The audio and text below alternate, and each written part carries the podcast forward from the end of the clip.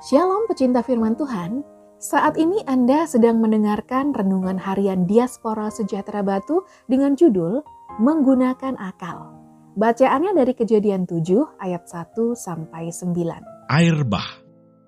Lalu berfirmanlah Tuhan kepada Nuh, Masuklah ke dalam bahtera itu, engkau dan seisi rumahmu, sebab engkaulah yang kulihat benar di hadapanku, di antara orang zaman ini dari segala binatang yang tidak haram, haruslah kau ambil tujuh pasang, jantan dan betinanya.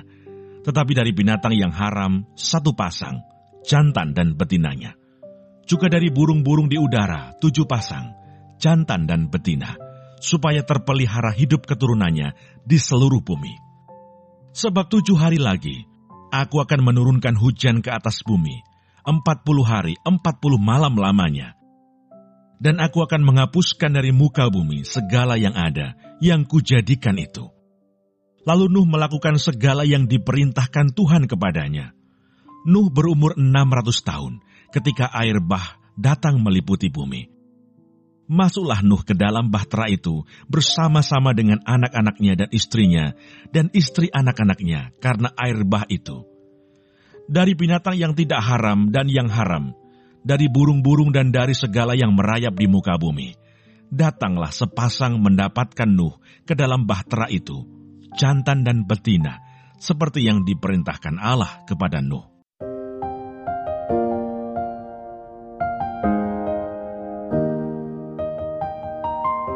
Lalu Nuh melakukan segala yang diperintahkan Tuhan kepadanya. Kejadian 7 ayat 5. Sadarkah Anda bahwa pikiran yang Tuhan anugerahkan merupakan bekal yang sangat berharga untuk menjalani hidup.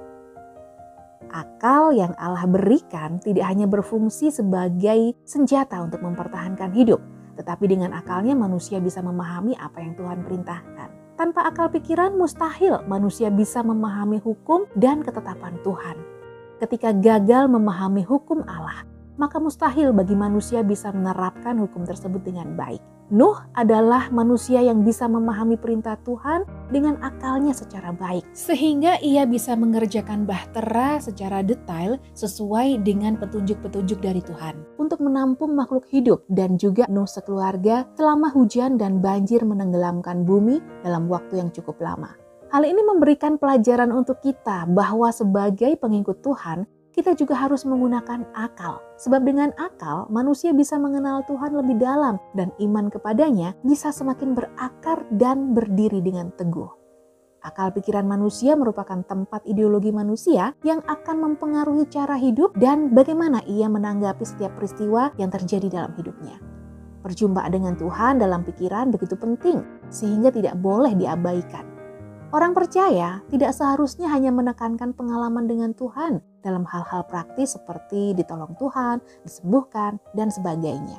Orang-orang yang mengalami perjumpaan dengan Tuhan dalam pikirannya akan menjadi murid Kristus yang radikal. Bahkan jika harus mati karena mempertahankan iman kepada Yesus bukanlah masalah yang besar dalam hidup mereka.